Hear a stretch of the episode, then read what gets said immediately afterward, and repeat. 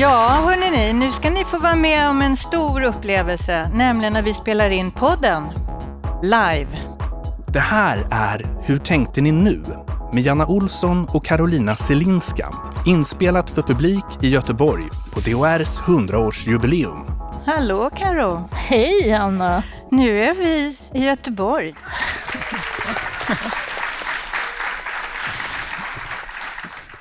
ja, Karo. Vi är ju i Göteborg därför att vi firar 100 år och vi har en kongress och sådär. Men eh, 100 år framåt? 100 år av kamp.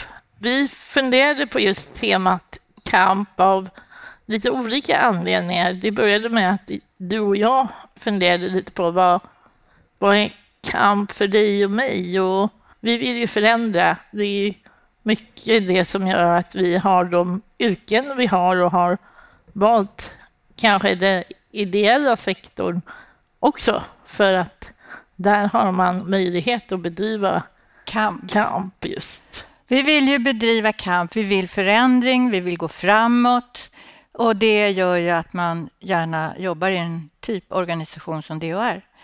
Vi har ju lite tänkt, kanske lite så att glöden har falnat lite. Det kanske känns som att, ja, vi är en hundraåring, men är vi en lite trött hundraåring? Och vad behövs för att vi ska vara en pigg och vital 200-åring? Vad behöver vi för tändvätska för att få igång det? För glöden har ju inte slocknat. Den ligger bara lite och pyr. Vi behöver få fart på det. Och för att kunna prata lite om det här så har vi några gäster. För det är ju en sak vad vi tycker, du och jag. Precis, det kan man ju mala på om hur länge som helst. Men det är inte det. därför folk kanske lyssnar på podden. Nej, så vi har två gäster här idag i vår första session. Margareta Persson som alldeles nyss blev också hedersmedlem i DHR. Gratulerar. Tack så mycket. Och så har vi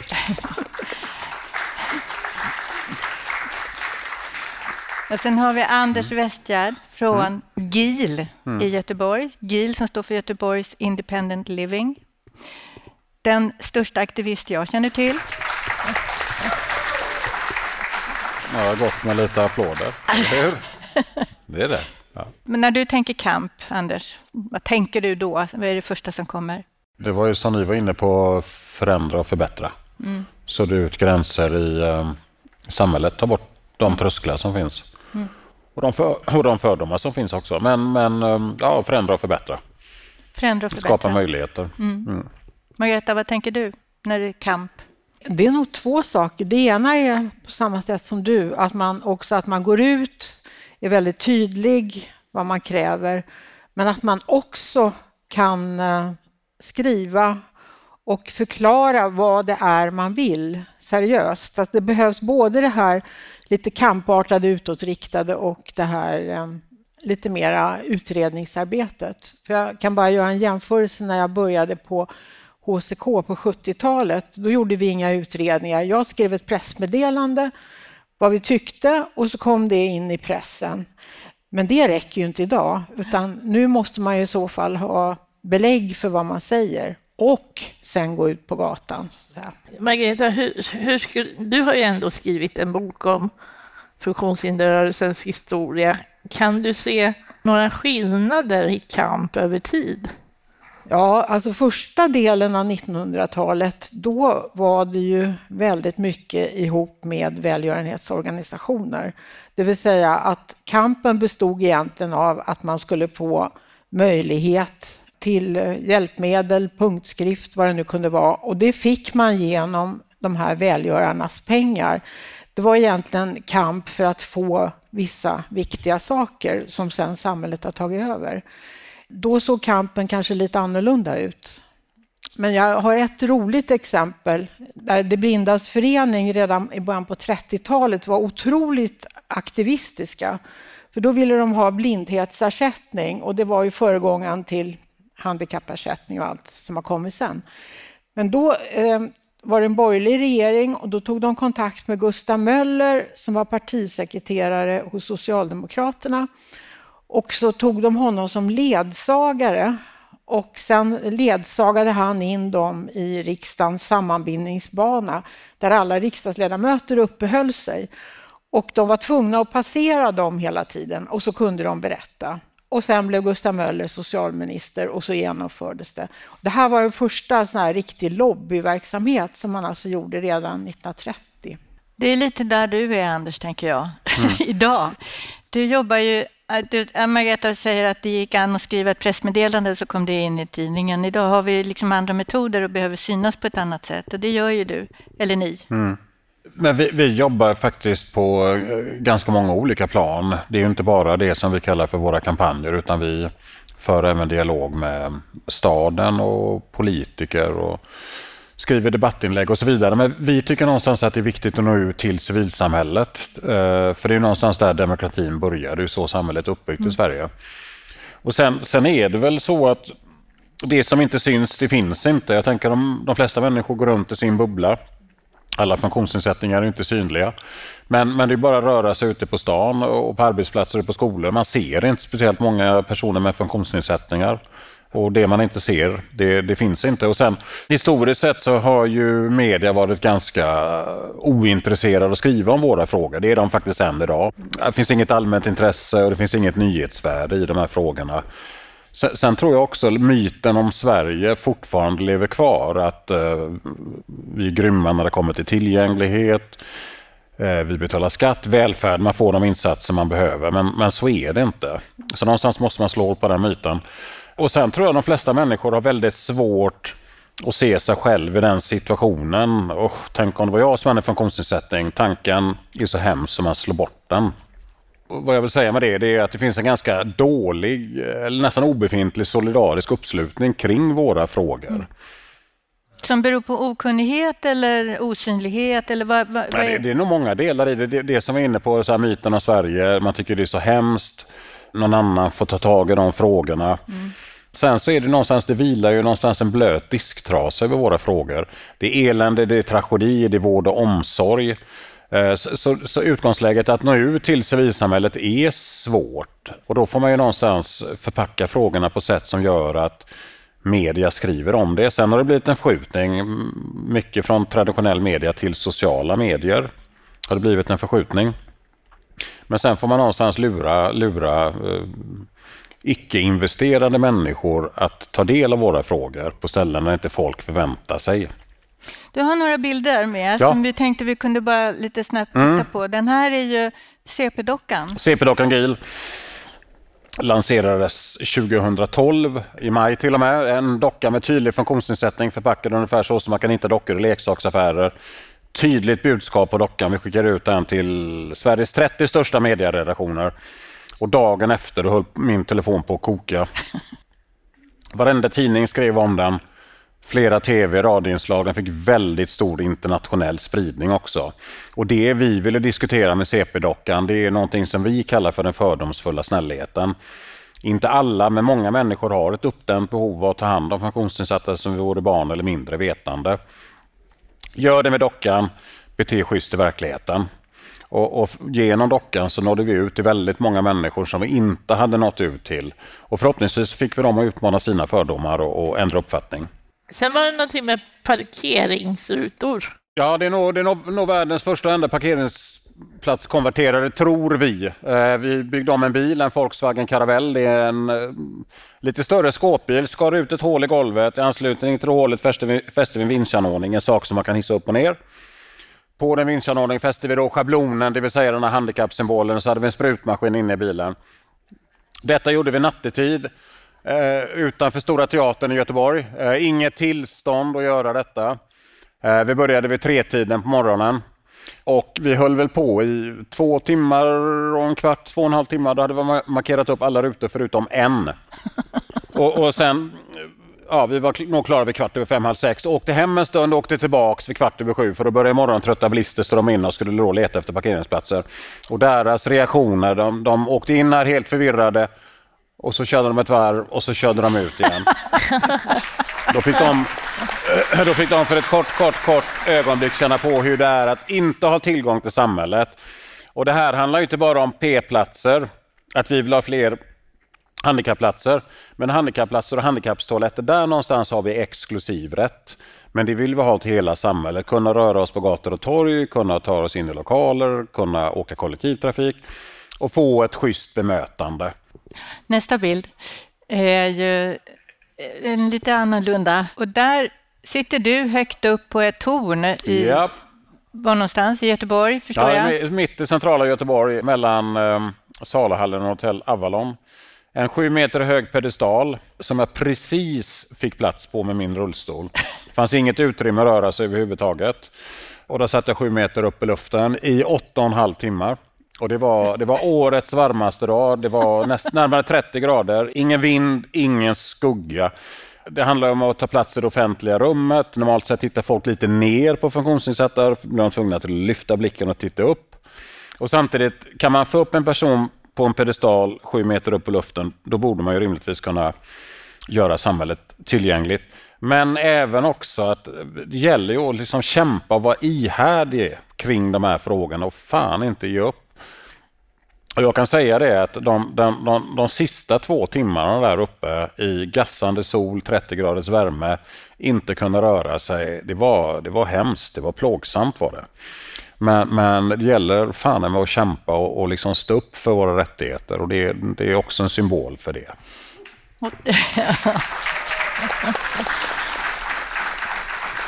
Ja, Margareta, du har ju kämpat och inte eh, lagt dig, även du, fast på ditt vis, om man säger så.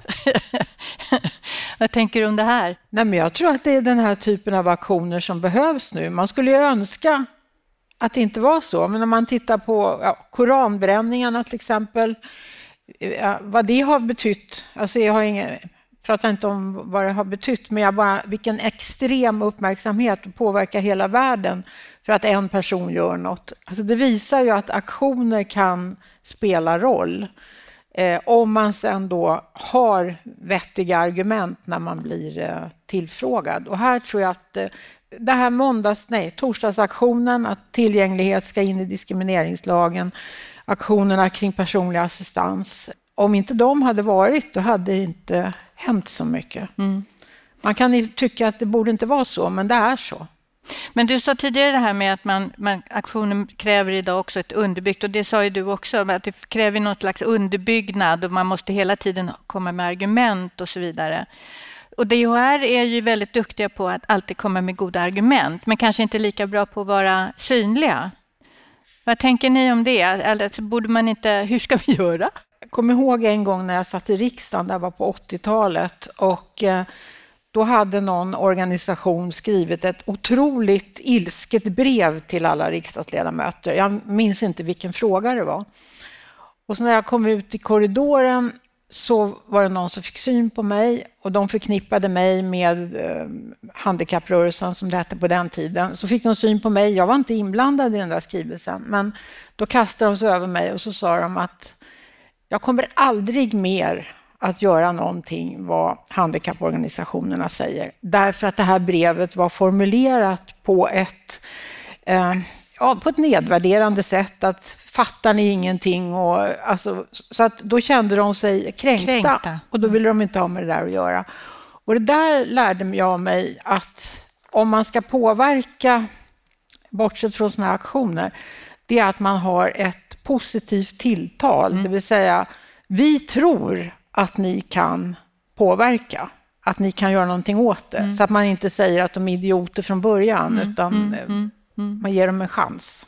In, de får inse det själva helt enkelt. Ja, ja. Nej, men alltså, för annars så stänger man, dörr, man stänger deras lust. För det vet jag när jag blev uppvaktad av folk som sa att vi tror att just du kan påverka det här. Och då blev man ju så här, jaha, då kanske man kan göra det. Istället för att de säger, varför har ni inte gjort så här? Mm. Vad säger du, Karo? Ja, men jag tycker vi har fått ändå goda tips från två ganska olika kampinlägg. Jag, jag tror det är viktigt just det där med, ursäkta, eh, den här kollektiva synvändan att få människor att förstå att funktionsnedsatta är inte några avarter. Jag menar, många människor de, de är ju för fan rädda för funktionsnedsatta. Jag menar, kan man, hälsar man, vad gör man med dem? Ja, men, ja, men det är ju lätt för oss att och, och, och kanske inte fatta så, men, men eh, så är det ju. och få just den här kollektiva uppslutningen. Det är ju bara att titta runt omkring. Eh, bara sociala medier till exempel. Hur många är det som sluter upp kring våra frågor? Inte speciellt många. Eh, när det är demonstrationer, hur många är det som sluter upp kring våra frågor? Inte speciellt många. Någonstans avdramatisera våra frågor är, är viktigt att få få vanligt folk att fatta att, att, att vi är vanliga människor mm. och inte farliga på något sätt. Eh, men, men ändå någonstans förstå liksom allvaret i det. Och hur utestängda och hur diskriminerade vi blir dagligen. Mm. Det, det tror jag är jätteviktigt. Och, och, alltså den kollektiva synvändan och få människors fördomar att suddas ut. Och Det tycker jag var ett bra avslutnings anförande, mm. att vi eh, behöver synas i den civila världen, ja, så att säga. Absolut. Betydligt mer än vad vi gör. Och, så. och då tackar jag. Och eh, Karo, ja. vi ska ju ha nya gäster nu. Ja, vi fortsätter samtalet. Tack så hemskt Tack mycket för att ni var här. En applåd för våra gäster. Jag vill bara säga, håll, håll ut, utkik. Håll utkik, om, säger ja, Anders här. Ja, håll utkik om en månad eller två. Det är alltid så där ja. han gör när vi har med honom i podden. Han har en teaser. Ja. en, en liten cliffhanger. Vi ska ha två nya gäster här uppe. Vi tänker fortsätta prata kamp. Det gillar vi. Och då har vi Niklas Altermark som också blev just nu utnämnd till hedersmedlem i DHR samt nyvald ledamot i DHRs förbundsstyrelse, Erika Wermering. En nyvald ledamot i DHRs förbundsstyrelse, Erika Wermering. Välkomna upp på scen, en applåd för dem.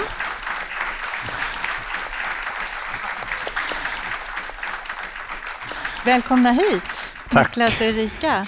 Tackar, tackar. Vad kul att ni kom hit och vi vill ju prata kamp. Kamp framåt kanske lite mer. Och du Niklas eh, bedriver ju kamp på också ett annorlunda sätt. Ja, det gör jag kanske. Framförallt så finns det ju, jag jobbar som, som forskare. Och då kan det ibland finnas en förväntan på att man inte ska syssla med kamp. Då ska man bara helt neutralt titta på verkligheten och beskriva den och sådär. Men det ser inte jag som mitt uppdrag, utan jag tror att vi som, som sysslar med att beskriva samhället och försöka förstå hur det funkar, vi befinner oss alltid i ett så politiskt sammanhang. Så på det sättet så, så sysslar jag ju också med kamp och jag har ju också i min forskning varit ganska tydlig med att jag delar liksom funkisrörelsens etos och utgångspunkter och att, att jag ser min forskning som ett, i bästa fall som ett verktyg för att knuffa samhället lite mer i rätt riktning. Och du Erika, du som ny ledamot i förbundsstyrelsen, du är ju liksom framtiden, eller? Ja, framtiden, ja, det, är ju, det, det vill man ju vara. och inte dåtiden, tänker jag. Nej, jag har ju också lite, får man väl säga, lite utifrån perspektiv. Jag har ju följt funktionshinderpolitiska frågor i jättemånga år i, i yrkessammanhang, i, i olika roller och jag tänker att då blir man ju kanske aktivistisk mer i sitt urval. För min del har det handlat om att jobba som journalist och jobba som kommunikatör, att man gör ett urval utifrån de frågor som man är intresserad av och som man märker att här finns det liksom en arena som är spelbar. Det har nog varit min aktivism mm. under livet. Så. Men vad tänker du för DHR när du tänker kamp framåt? Var skulle du vilja att vi drar? Ja, alltså jag brukar ofta tycka att det är lite svårt att veta vad ska man välja, vilken fråga eller vilken, vilket torg ska man stå på med vilka och varför och sådär. Men då tänk, brukar jag tänka mycket att om man kan skapa en berättelse. Alltså jag, jag är intresserad och fascinerad av vad som händer när man skapar en berättelse av hur det är att vara funkis idag. Och då tror jag att man kan använda historien ganska mycket. Jag tror att man kan... Jag tänker så här, när man tittar tillbaka så ser man ju att saker kommer igen. Historien upprepar sig och det tycker jag ofta är en, en det är ett bra verktyg. För då, då kan man på något vis samlas kring det här tyckte vi var dåligt då, men varför gör vi det nu? Mm. Då handlar det mycket om att bolla tillbaka då till ansvarspersoner på olika sätt, politiker till exempel. Att, hur svarar du upp mot det här när det har blivit så här igen? Niklas, vi har pratat kamp. Hur driver man kamp mot någonting som är en värdeförskjutning? Mm. Som är jätte, jättesvår att liksom ta på, för det är det väldigt många upplever. Mm. Nej, men jag, jag tror ju att den där värdeförskjutningen som jag liksom har iakttagit också och är förbannad på, den tar ju sig ofta konkreta uttryck. Mm. Så. Det spelar roll i människors liv att vi till exempel har rört oss mot en mindre tillit till medborgare. Alla här har väl säkert någon gång varit, varit, varit liksom misstänkliggjorda som potentiella fuskare för att det är så vi tänker kring de stödsystem som finns för funkis-communityn. Alla har väl någon gång liksom drabbats av att man har blivit betraktad som en kostnad, som en tärande del av samhället. Det är liksom föreställningar som finns runt omkring oss. Sådär. Och den där värdeförskjutningen finns liksom. Det finns i avslagsbeskeden från Försäkringskassan. Det finns i kommunen som inte liksom beviljar ledsagning som LSS-insats som är rättighetsbaserad. Det finns i, i människors liv och jag tror att ett sätt att göra det på det är att liksom titta på alla de här konkreta förskjutningarna och sen försöka baka ihop det som Erika säger till en större berättelse. Mm. Okej, okay, det verkar som att vi lever i ett samhälle som lovar väldigt mycket. Läser man bara de övergripande styrdokumenten för den svenska funkispolitiken så ser det helt okej okay ut. Mm. Men i människors liv så ser det inte helt okej okay ut. Och jag tror att kring det där glappet så kan man formulera, som du säger Erika, en rätt stark berättelse.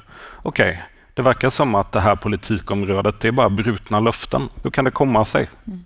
Så här har du och jag diskuterat, Karo. tänker du? Ja, men precis. För jag, jag såg häromdagen en nyhet om vård av barn och den socialförsäkringsförmånen och en retorik kring det om att så här, ja, men det fusket det behöver vi inte oroa oss så mycket för. För att mellan tummen och pekfingret så kommer inte det spela så stor roll. Det är ändå bara två miljarder. Och det är ju en ganska osund retorik. För att när det gäller till exempel assistansen så är, det, är vi inte ens uppe i de volymerna av medel och ändå så är det, då blir det på något sätt helt anskrämligt och vi måste ta i med hårdhandskarna för att bekämpa den här brottsligheten som försiggår. För det är minsann, då är det en brottslig handling. Medan i, i det andra sammanhanget så är det liksom, ja men det får man inte räkna med i ett socialförsäkringssystem, att det finns människor som kommer alltid vilja lura systemet. För så är det ju. Och det tycker jag ändå är väldigt spännande och det är någonting som jag i alla fall tänker ta med mig i vårt arbete. Att varför kan man ha en så skild retorik när det egentligen är precis samma beroendeställning i relation till de här insatserna? För att vi skulle aldrig, aldrig, aldrig gå med på att eh, socialförsäkringen vårdar barn inte fanns. Nej.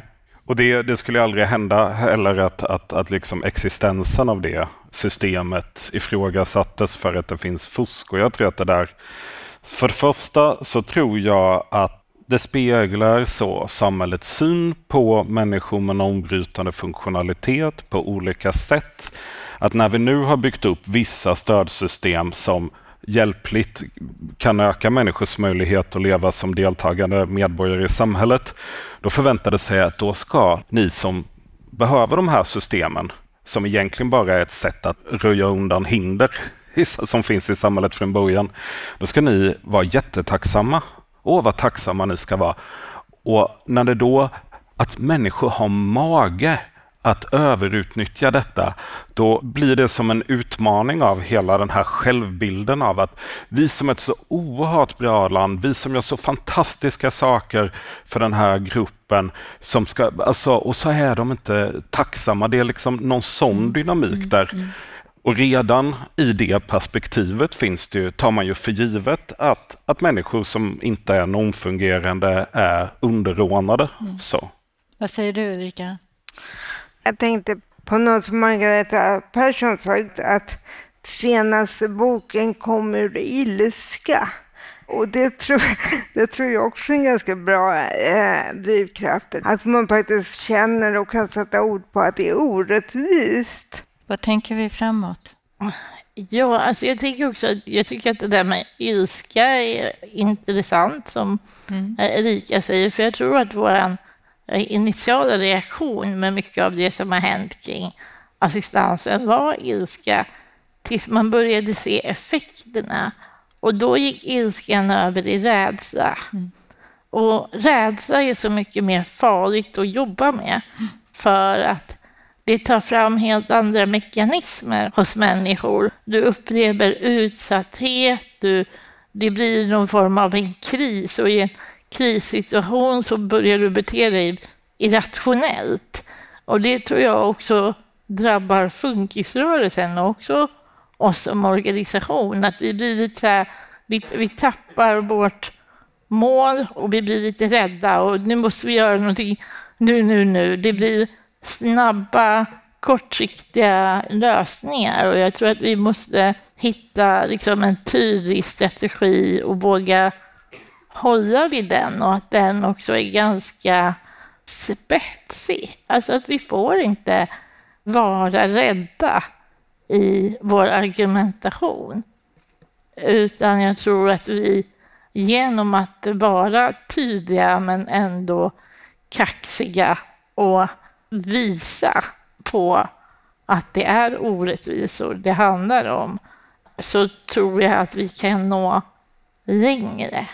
Men det är också klart att människor som är rädda förlorar ju också självförtroendet mm. eh, i samma ögonblick. Och vi är ju beroende av våra medlemmar. Och om vi har rädda medlemmar som vi behöver trygga istället för att liksom, vi kanske måste ge dem någonting annat. Alltså tryggheten kanske inte ska komma från oss, utan vi kanske måste tillhandahålla någonting annat för att medlemmarna ska kunna agera. Det här är ju jätteintressant. Och det var jätte, jätteroligt för att ni ville vara med här. Och vi har bara påbörjat vårt prat om kamp, eller hur? Och jag tänker att det här med tändvätska, Karo, ja. det är väl det vi ska försöka hitta. Precis. Och tända eld på den här falnade glöden och få den att börja brinna igen. Eller? Ja. Ja, och att den brinner länge. Att den brinner länge. Inte brinner upp, utan brinner länge. Det här var en rolig podd att göra. Jag älskar livepodd. Jag tycker ja. vi ska göra mer livepodd DHR, säger jag. Så får vi se var vi hamnar med det. Vi kanske kan komma ut från vår skrubb och turnera istället. Eller hur? Det vore väl något. Ja. Tills dess så säger vi tack och hej. Tack och hej.